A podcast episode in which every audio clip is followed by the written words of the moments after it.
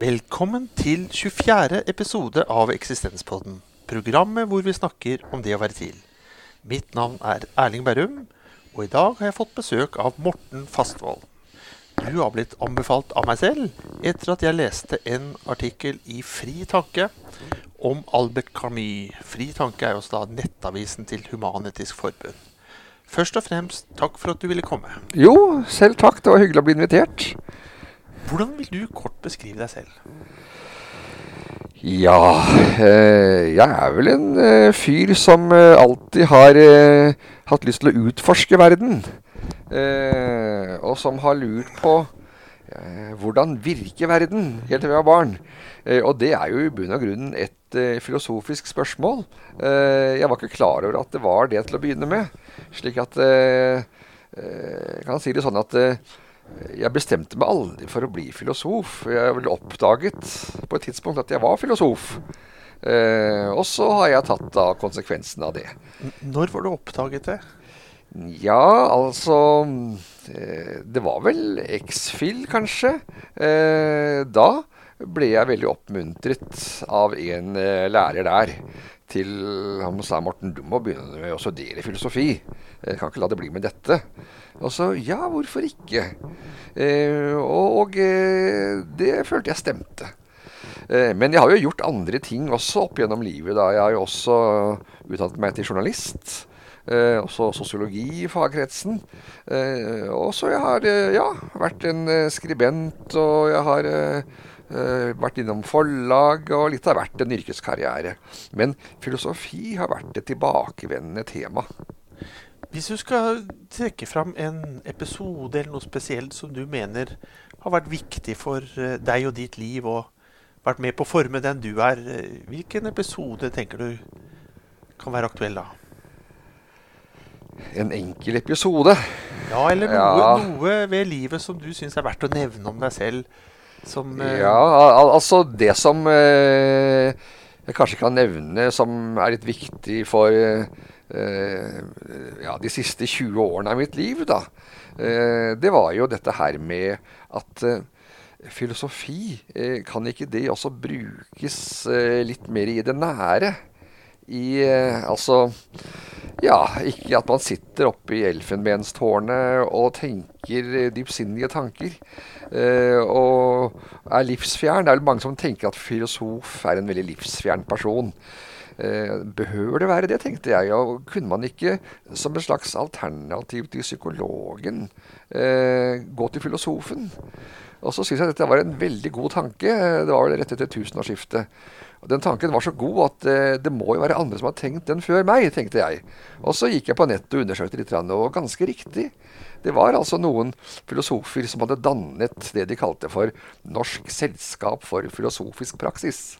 ja. Eh, og det er altså da eh, universitetsutdannede filosofer som har villet gjøre filosofien relevant for folk flest. Og litt etter mønster av gamle Sokrates da, i Aten.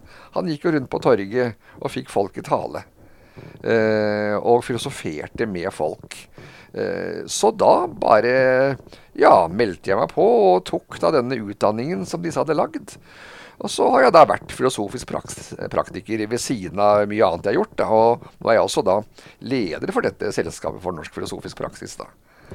Hender det at du eh, er en liten Sokrates også når du er ute i hverdagslivet? Ja, altså, altså Sokrates er jo den som filosofen som spør fremfor å ha svarene. Uh, og det var jo litt sjokkerende på hans tid, for da liksom, skulle jo filosofen være den vise som hadde svaret på alt. Men nei, Sokrates eh, han stilte spørsmål for å få den andre til å tenke. Slik at man sammen kunne undersøke den andres tanker. Eh, og det er jo det som er grunnideen i filosofisk praksis. Du har også blitt bedt om å velge en grunnleggende dimensjon ved det å være til som menneske. Og hva har du valgt som tema for dagens program? Hvis jeg skal trekke frem en grunnleggende dimensjon for mitt eget vedkommende, så må det vel være nysgjerrighet, tenker jeg. Altså, jeg har jo også vært journalist, som jeg nevnte. Eh, og for å være det, så må man være nysgjerrig. Og eh, den nysgjerrigheten, eh, den har jeg også som filosof. Eh, og det og bare Ja, hvordan er nå denne verden skrudd sammen, da? Det er på en måte et slags livsprosjekt å få vite mest mulig om sammenhenger eh, i, her i verden. Hvordan virker verden, for å si det veldig sånn eh, enkelt og litt barnlig. Men eh, det er ganske grunnleggende spørsmål for meg, da. Tenker du at det er for lite nysgjerrighet i dag? Tja eh, Det kommer jo an på hva man er nysgjerrig på, da. Det, det, er jo mange ting jeg ikke er nysgjerrig på. Sånn kjendisers liv og levnet og litt sånne ting er jeg ikke nysgjerrig på. Eh, så eh, Men altså, det du kanskje kaller de store spørsmål, eller de store sammenhenger, Eh, og ikke minst dette her eh, som Sokrates hadde som et grunnspørsmål. Hvordan bør vi leve vårt liv? Eh, det er et stort spørsmål som også påkaller nysgjerrighet. Og da litt nysgjerrighet på hvordan lever andre sitt liv, og, og se dette mangfoldet, da. Har nysgjerrigheten vært med på å gjøre deg klokere? Det vil jeg si. Har du ja. noen eksempler på erkjennelse du har fått gjennom og ved hjelp av din nysgjerrighet? Ja, altså Det er vel stort sett uh, nysgjerrigheten som gjør at jeg da tar utfordringer. Og ikke bare blir sittende hjemme i sofaen. Uh, og uh, det er jo da jeg lærer mer om verden, da. så Og det skjer gang på gang. dette med å være nysgjerrig og ta utfordringer, der er det en sånn link for meg. og det syns jeg er greit å gjøre. Stemmer det at uh, Nietzsche i sin tid skal ha sagt at uh, du må utfordre deg selv minst én gang om dagen for liksom, å holde deg selv i ånde? Det er meget mulig at han sa det. Det ville vært likt ham. Uh, så ja, han hadde også den vanen med å, å gå inn en idé, altså en liten spasertur, for å kjenne på en idé om den funket. Så jeg gjør ikke akkurat det, men altså det å utfordre seg selv Eh, det er en veldig viktig ting. Eh, for eh, selverkjennelse, altså dette erkjenne deg selv, er jo et grunnspørsmål. og hvis jeg skal være en som kan hjelpe andre mennesker til å erkjenne seg selv, så må jo også jeg virkelig gjøre det for egen maskin. Uh, og, og, ja, foreta noen litt sånne uh, inkvisitoriske spørsmål kanskje for meg selv. Hva er det jeg nå driver med, eller hva er det jeg egentlig tenker her? En sånn type selvmonitorering, da. Uh, ja. Men vil du si at vi mennesker i Norge i dag, da, som lever under visse forutsetninger og med noen gitte bekvemmeligheter og beskyttelsesmekanismer rundt oss. Eh, har vi liksom begrenset kjennskap til oss selv fordi vi ikke er i så mange prøvde situasjoner? Fordi vi lever i et ganske beskyttet, organisert liv? Jeg tror nok at det er mange som har veldig hva du sa du, prøvende situasjoner. Eh, selv om vi lever i en velferdsstat hvor eh, mye på det ytre eh, er på stell.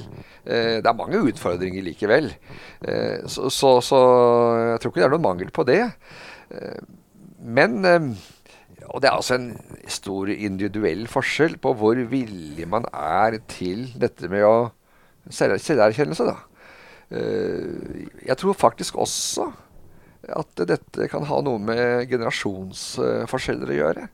For jeg eh, tror nok at eh, den, mine foreldres generasjon, de som da var unge under krigen og etterpå Det er kanskje litt dristig å skjære av, eller snakke veldig generelt, men altså, jeg fikk inntrykk av at det å være på en måte, ja, å filosofere over eget liv og levnet og dette med å erkjenne seg selv kanskje ikke var så fremme da. At det var mer en type eh, Man gjør det og det. ikke sant? Man skaffer seg en jobb, man skaffer seg en familie. Man gjør de rette tingene. Uten nødvendigvis å tenke så veldig mye over det. Eh, så mitt inntrykk er at eh, den generasjonen jeg tilhører, og de yngre, kanskje er blitt bedre til dette her med å stille spørsmål ved saker og ting. og, og ja, og ha en interesse for selverkjennelse. Ja, når jeg tenkte på det i stad med, med at vi ikke er i så prøvde omgivelser, så hadde jeg en liten sånn baktanke knyttet til de som opplever krig, da. Ja. Og hva det kan gjøre med mennesker hvor de kan nesten forandre personlighet i Å, ja. forhold til hvem de er, og hva de gjør eller er villige til å gjøre. Mm. Uh, men uh, tilbake til uh, dette med selverkjennelse som, som du snakker om, og at vår generasjon kanskje har mer tid og mer kultur for. Ikke minst mer Ja. kultur for. Jeg Mhm. tror også altså pedagogikken i skolen mm.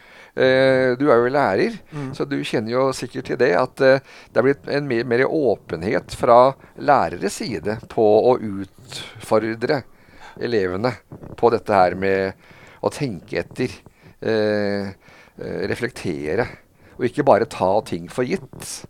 Eh, og følge en slags ordre eller sånne eh, Det gjør man. Samtidig så har jo jeg også en opplevelse av, eh, av at det er mange som flykter kanskje fra en selverkjennelse gjennom da eh, hengi seg til andre typer stimuli, som f.eks. Eh, sosiale medier, eh, TV Å ja, altså- Underholdning, sport, ekstremsporter. Altså, selverkjennelse kan være skummelt, det. Så eh, ja, må, da må man være villig til å ta den utfordringen. Eh, for det er ikke bare behagelig, det man kanskje da oppdager. Og kanskje er det noe man aner, eh, og så, så vil man ikke utforske det noe særlig. Heller liksom skyve det vekk. Det er jo for så vidt en ganske sånn menneskelig reaksjon, da. Og eh, så er det jo spørsmål eh, hvor villig man er til å si at nei, jeg skal ta den utfordringen med å kjenne litt ordentlig etter og stille meg selv noen eh, spørsmål, eh, slik at jeg kan se dette her litt i hvitøyet. Og eh, kanskje jeg da ikke kommer så flatterende ut, men eh, da kan jeg i hvert fall gjøre noe med det, kanskje. Hvis du kan hjelpe oss litt til å beskrive litt nærmere, rent konkret, hvordan kan man gå fram for å få en bedre selverkjennelse? Fordi det er ikke nødvendigvis så intuitivt for alle å forstå hva handler det om, eller hvordan bør man da tenke, Nei. eller hvilke spørsmål bør man da stille seg? Ja. Nei, du nevnte jo i stad dette her med distraksjoner. At man kan kanskje hengi seg til distraksjoner. Eh, og altså bare for å ha sagt det, at eh, av og til eh, så er det helt i orden å hengi seg til distraksjoner hvis man skal slappe av etter en arbeidsdag eller eh, ja, avkobling. Det er jo helt fint. Legitimt, det. Men hvis man merker at eh, man kanskje flykter inn i distraksjoner, at her er det, her er det noe på en en flukt ute og går, eh, da eh, kunne man kanskje prøvd å stoppe opp og Ja, hvorfor? eh, hva er det jeg flykter fra? Eh, kan jeg si noe om det? Kan jeg kjenne på hva det kunne være? Eh, og det er jo ikke alltid så lett å sette ord på det med en gang, men og bare det å kanskje erkjenne at eh, her er det noe jeg flykter fra. Her er det noe jeg vil vekk fra, og heller ha det litt behagelig og ikke utfordre meg selv. Bare det, å vite at her er det noe, eh, det er det første skrittet. Og hvis man da etter hvert klarer å forsone seg og begynner å stille de tankene, da, Ja, hvor man tar et litt mer sånn observerende blikk på seg Ja, selv, da, ja. Hva gjør jeg, og, og Mm. kanskje tenke litt over hva kan grunnen være for at jeg Ja. gjør som jeg gjør. ja.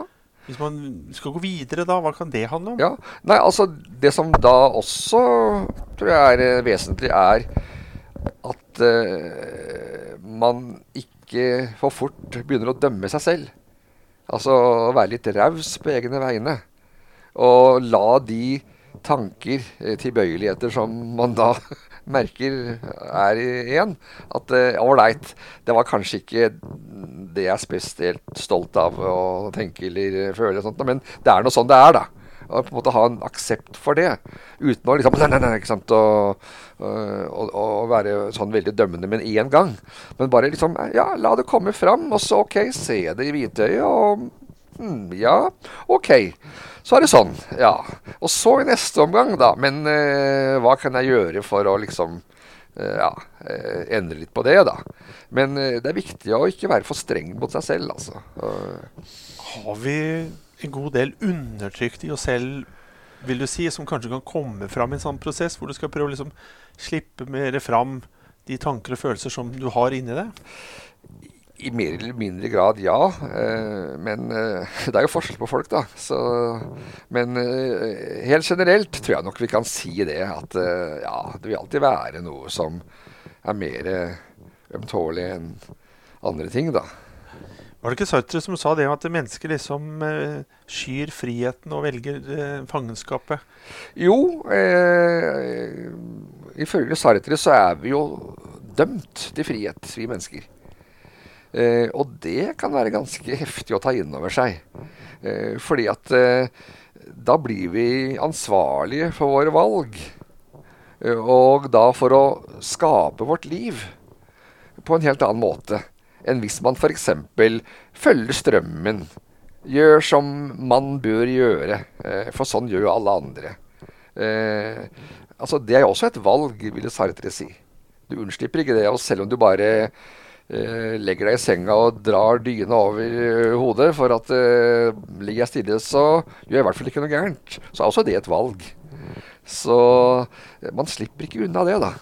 ja. Kan det også forbindes med et litt sånn ubehag knyttet klart til en det. større selverkjennelse? At ja, klart du det. har et større ansvar for hvem du er, enn kanskje du vil erkjenne? Mm. Ja, 'Flukten fra friheten'. Ja, det var vel en bok som jeg tror Erik Fromm, en sånn psykoanalytiker, skrev rett etter annen verdenskrig. Da var man jo veldig eh, oppmerksom på dette her med det totalitarismen, og hvordan kunne så mange mennesker nærmest eh, liksom godta, eller til og med flykte inn i det totalitære. Eh, og da var det ja, en slags teori eller oppfatning om at uh, det var fordi at det var veldig bekvemt da, å ha en sånn stor uh, autoritær far som forteller deg hva du skal gjøre. Og, og man ser jo det i den dag i dag. altså Autoritære stater. øh, øh, lederne der kaller seg ofte for sånne store far, eller lillefar, var det Putin som ble kalt. Da, men, øh, og, og, da skal liksom han vite best. Og, og, da slipper på en måte folk å bry seg så mye om i hvert fall politikk og sånn. Men det er jo en infantilisering av folk. Eh, og eh, egentlig ja, eh, litt fornærmende, egentlig. Altså, vi har jo en evne til kritisk, selvstendig tenkning. Og den bør vi kunne få anledning til å bruke. Og det er jo den vi også må bruke for å foreta våre valg. Uh, ja. Når vi er litt eh, nysgjerrig på hvem vi er, da, gjennom å kanskje da søke en økt selverkjennelse mm. Men i ordet selverkjennelse så ligger også forutsetningen at det skal være et selv. Mm. Det er det jo noen som også har utfordret, da. Mm. Eh, om vi har et selv eller ikke. Jeg ja. tenker på bl.a. en um, samfunnsfilosof som het uh, Goffman, mm. som mente at vi var summen av våre masker. Ja. Og at vi ikke hadde noe selv eller kjerne. Ja, ja altså jeg kan nok uh, være ganske enig i det. Altså, det kommer an på hvor strengt eller bokstavelig man forstår dette selv, da. Hvis man skulle tenke at det var en sånn kjerne. Vi har jo altså En kjent metafor er jo hos Ibsen, altså Per Gynt. Altså dette å skrelle en løk, ikke sant. Hvor er nå kjernen? Eh, løken har jo ikke noen sånn spesiell kjerne. og, og Nei, eh, da er det kanskje litt forfeilet å lete etter en kjerne i en løk, da. Eh, og kanskje er det litt sånn at eh, å snakke om et selv, helt uavhengig av hvilke roller vi spiller, da, for å bruke litt sånn Goffmans terminologi, det lar seg kanskje ikke gjøre. Akkurat som ikke vi kan snakke om et språk uten å bruke et språk. Så Hvis man ønsker en større selverkjennelse, så er ikke nødvendigvis det en jakt etter en kjerne, men det er kanskje en, en bevissthet om hvordan man agerer, hvilke valg man tar. Ja. Eh, hva man kanskje har for preferanser. Ja, eh, det var vel sånn Dette med 'kjenn deg selv', eh, eh som Sokrates snakket om. og Det var jo handlet om å kjenne din begrensning. handlet det også om. Altså, eh, vi er ulike. Slik at uh, selverkjennelse er jo å forstå uh, hvordan er jeg i forhold til andre mennesker? Hva er det som er spesielt med meg i forhold til andre? Hvilke styrker har jeg? Hvilke svakheter har jeg i forhold til mange andre? Uh, ja.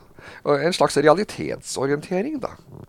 Så nå ligger du kanskje immanent i noe av det vi allerede har snakket om, men hvis du skal sette noen ord på hva kan liksom en, en økt og bedre selverkjennelse bidra til?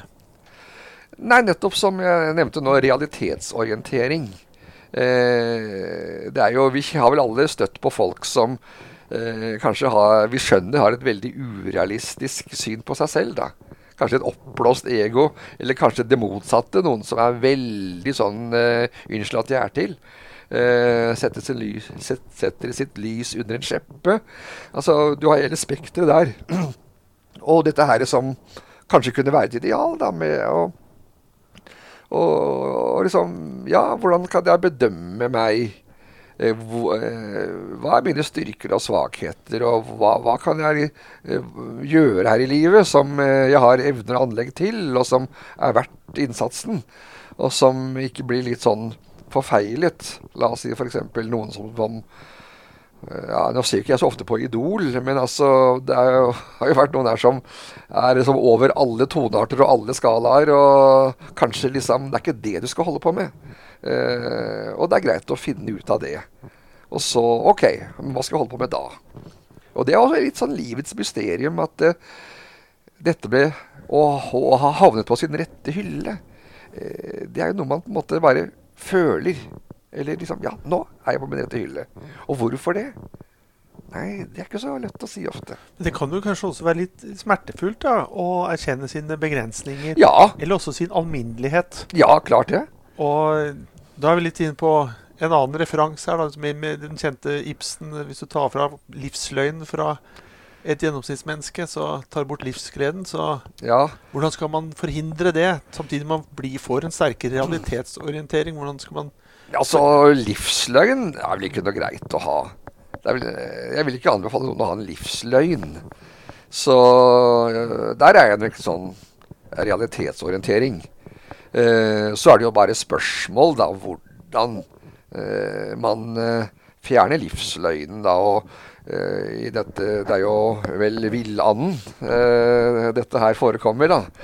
Og der er det vel sånn at det kan bli en veldig sånn brutal sannhetssøking som ødelegger ekteskapet og alt mulig. For det, det, kommer ting for en dag som har vært en hemmelighet hos en av personene. Og som, ikke, som, som godt kunne få blitt en hemmelighet. da. Slik at uh, det er jo ikke, må jo ikke være noe sånn type hva skal man kalle det, sannhetsfetisjist. Uh, men, uh, Gregers, det var ikke det? Jo. Ja. Så, ja, og dette med å leve i sannhet. ikke sant? Alt skal opp, alt skal ut av skapene. og Det er, det er, det er ikke sikkert det, men det er noe litt annet enn livsløgn. Men, men, begge ting forekommer jo i samme stykke. da.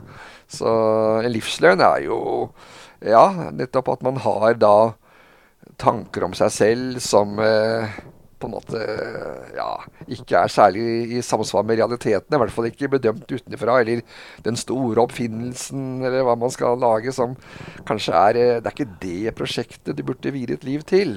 Nei, jeg, jeg fikk liksom assosiasjon når du nevnte det med Idol, og mm, de mhm. som ja. Det er noen der som har veldig store tanker om seg selv og sitt eget talent. Ja og som ikke alltid står i tråd med liksom, realiteten. Men så får man da håpe da at ålreit, uh, uh, disse dommerne der de kan jo være ganske sånn friske i uttalelsene. Så du får jo høre det.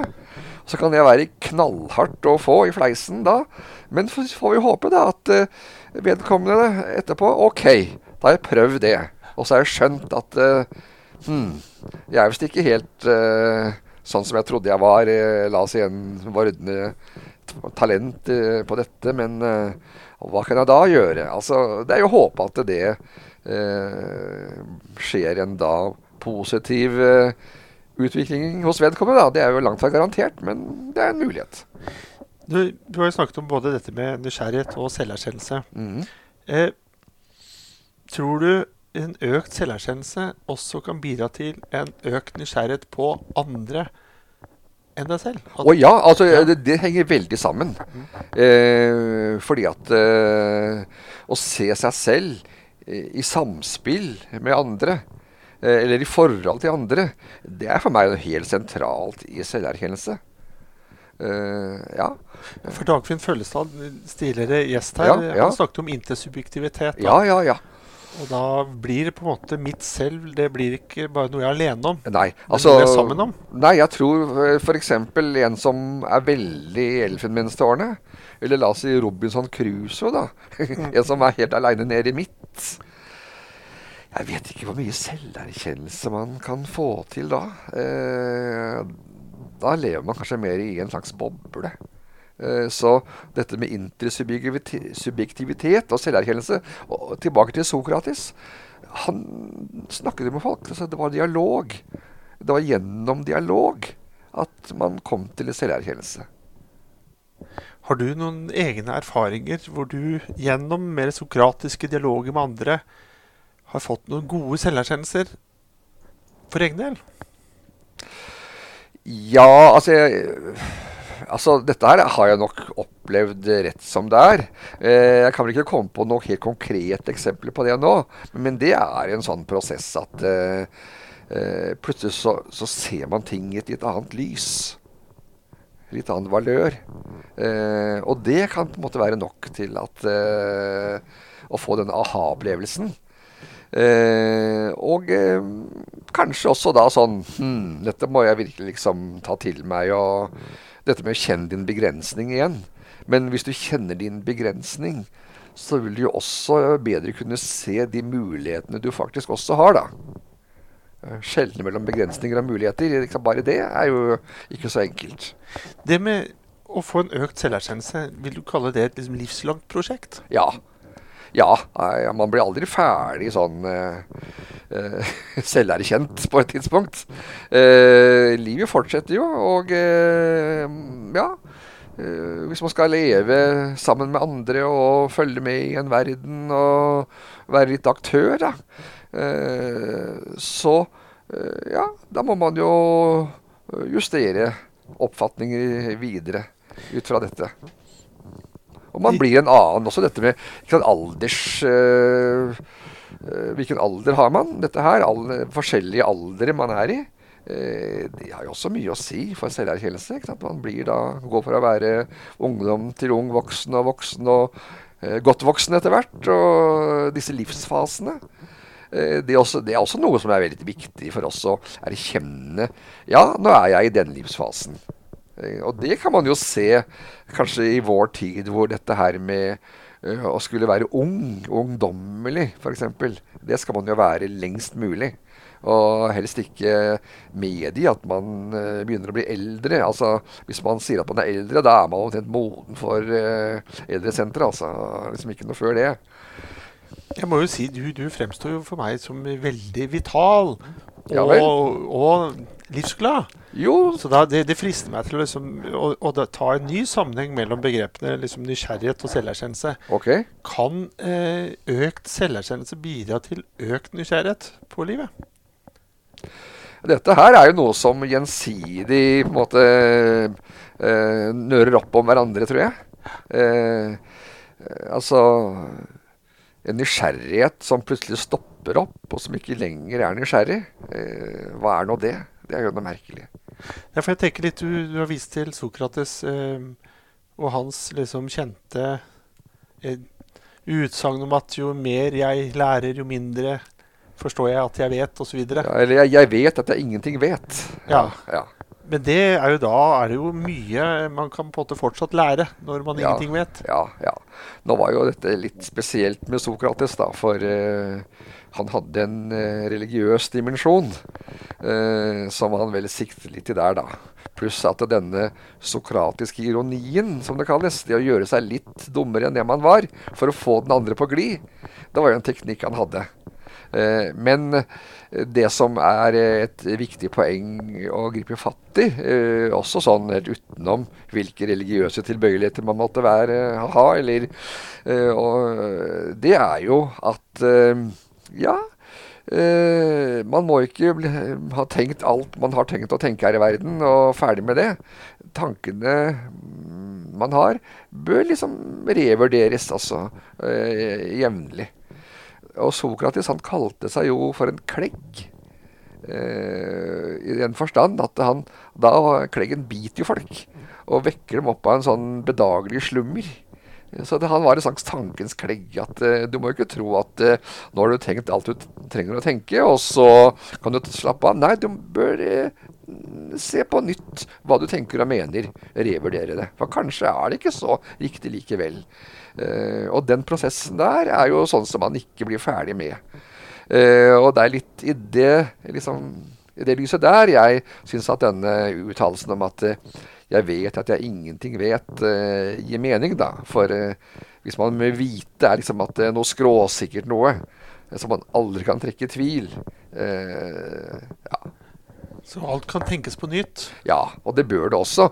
Nettopp fordi at man selv går igjennom livet, og da nettopp i ulike livsfaser, og noe som var sant på et tidspunkt, er kanskje ikke like sant på et senere punkt i livet. Eller ja, man ser ting også litt annerledes. Og, og det hjelper jo også en til å, å, leve og være på en måte mer i livet. Eh, Stikk i strid kanskje med hva mange tenker om filosofer, at de er sånne livsfjerne personer.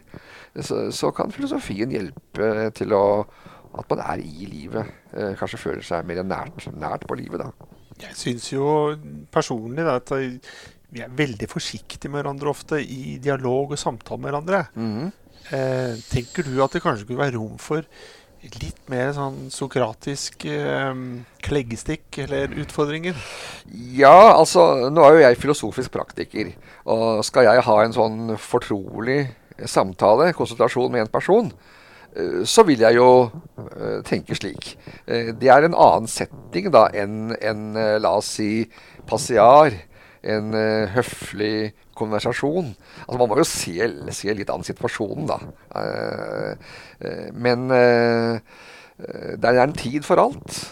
tid for å bare få smalltalk eller å være høflig og grei, men også en tid for å være litt sånn klegg og, og se, Men se på dette her, da. Og ja. og det å vite når man bør være hva, det er også en slags en del av ja, livskunst og noe som hører selverkjennelsen til. En annen eh, livskunst handler også om å balansere da, eh, ulike valg og prioriteringer. Noen kan jo tenke at hvis man blir veldig opptatt av å få en økt selverkjennelse, ja. så kan man også kanskje bli veldig selvopptatt. Ja. Hvordan kan man liksom sikre seg at man både søker økt selverkjennelse og samtidig ikke forsvinner inn i selvopptattheten? Ja. Nei, altså Det er jo snodig med folk som er veldig eh, selvsentrerte. Eh, de sliter ofte sosialt.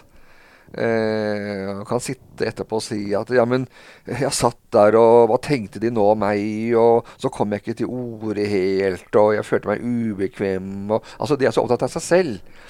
Eh, mens de som kanskje er liksom mer ubesværet, uh, har det bra sosialt, det de gjør, de glemmer seg selv situasjonen.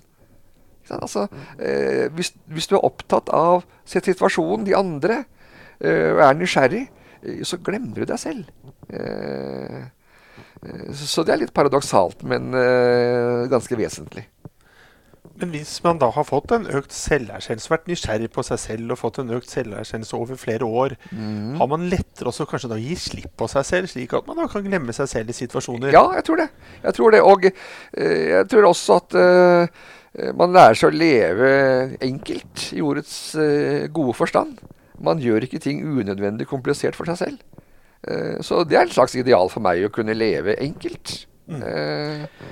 Vi har nå kommet på eh, slutten av uh, denne episoden. Og mm -hmm. Da pleier jeg å spørre om no, no, noen tips.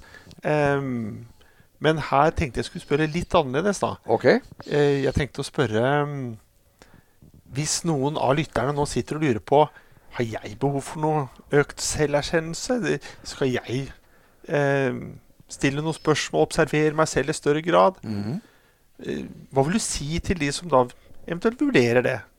Har man alltid behov for økt selverkjennelse? Er det noen, har du noen sånn tegn på at du kanskje burde begynne å observere deg selv mer? Tenke litt mer over hvem du er og Ja, altså sånn um, Det er vel noe med at uh, Opplever man et sånt behov, uh, så bør man jo kunne gjøre noe med det. Men det er jo ikke alltid man gjør det. Og man skal jo ikke løpe etter folk og liksom Men er det, er det noe kjennetegn på et sånt behov? Fordi, jeg, Si hvis noen da f.eks har litt uro i kroppen, da, ja. kan det være et tegn på at du kanskje bør eh, søke en økt selverkjennelse? Det kan være det. Men det er jo sånn, altså nå er jo jeg da filosofisk praktiker, og så kan man spørre seg de folka som da eh, kommer til konsultasjon. Altså, de har jo allerede da tatt en beslutning om å gjøre dette her. De har funnet fram til at jo, det er noe som heter filosofisk praktiker, og, og tatt kontakt osv. Og, så og bare å ha gjort det, da har du hensatt deg i en modus hvor du er eh, mottakelig for en sånn type samtale. Eh, men spørsmålet er hvordan kommer man dit? At man i det hele tatt begynner å orientere seg i den retningen der. Det er ikke så godt å si. Nei. Men det er et svar, det også. Eh, jeg har også sånn avslutningsvis pleier å spørre om du har noe, om du har noe livsmotto eller uh, fyndord som du er veldig glad i, og som du vil dele med lytterne. Fyndord? Nei, det Nei. Det, bare, det, det, det kan være sånn livsmotto som du har ja, ja, ja, skal vi se, skal vi se, ja, skal vi se. Ja, altså eh, Det var vel noe som uh, filosofen Bertrand Russell sa, som uh, kanskje er, uh, kan komme nærme et fyndord jeg kan slutte meg bak. Og at det var det at noe av det viktigste filosofien kan lære oss, det er å leve med usikkerhet uten å bli handlingslammet. Det var godt sagt. Eh, litt i lys av din eh, lidenskap for filosofi, vil du si at det finnes en filosof, filosof i oss alle?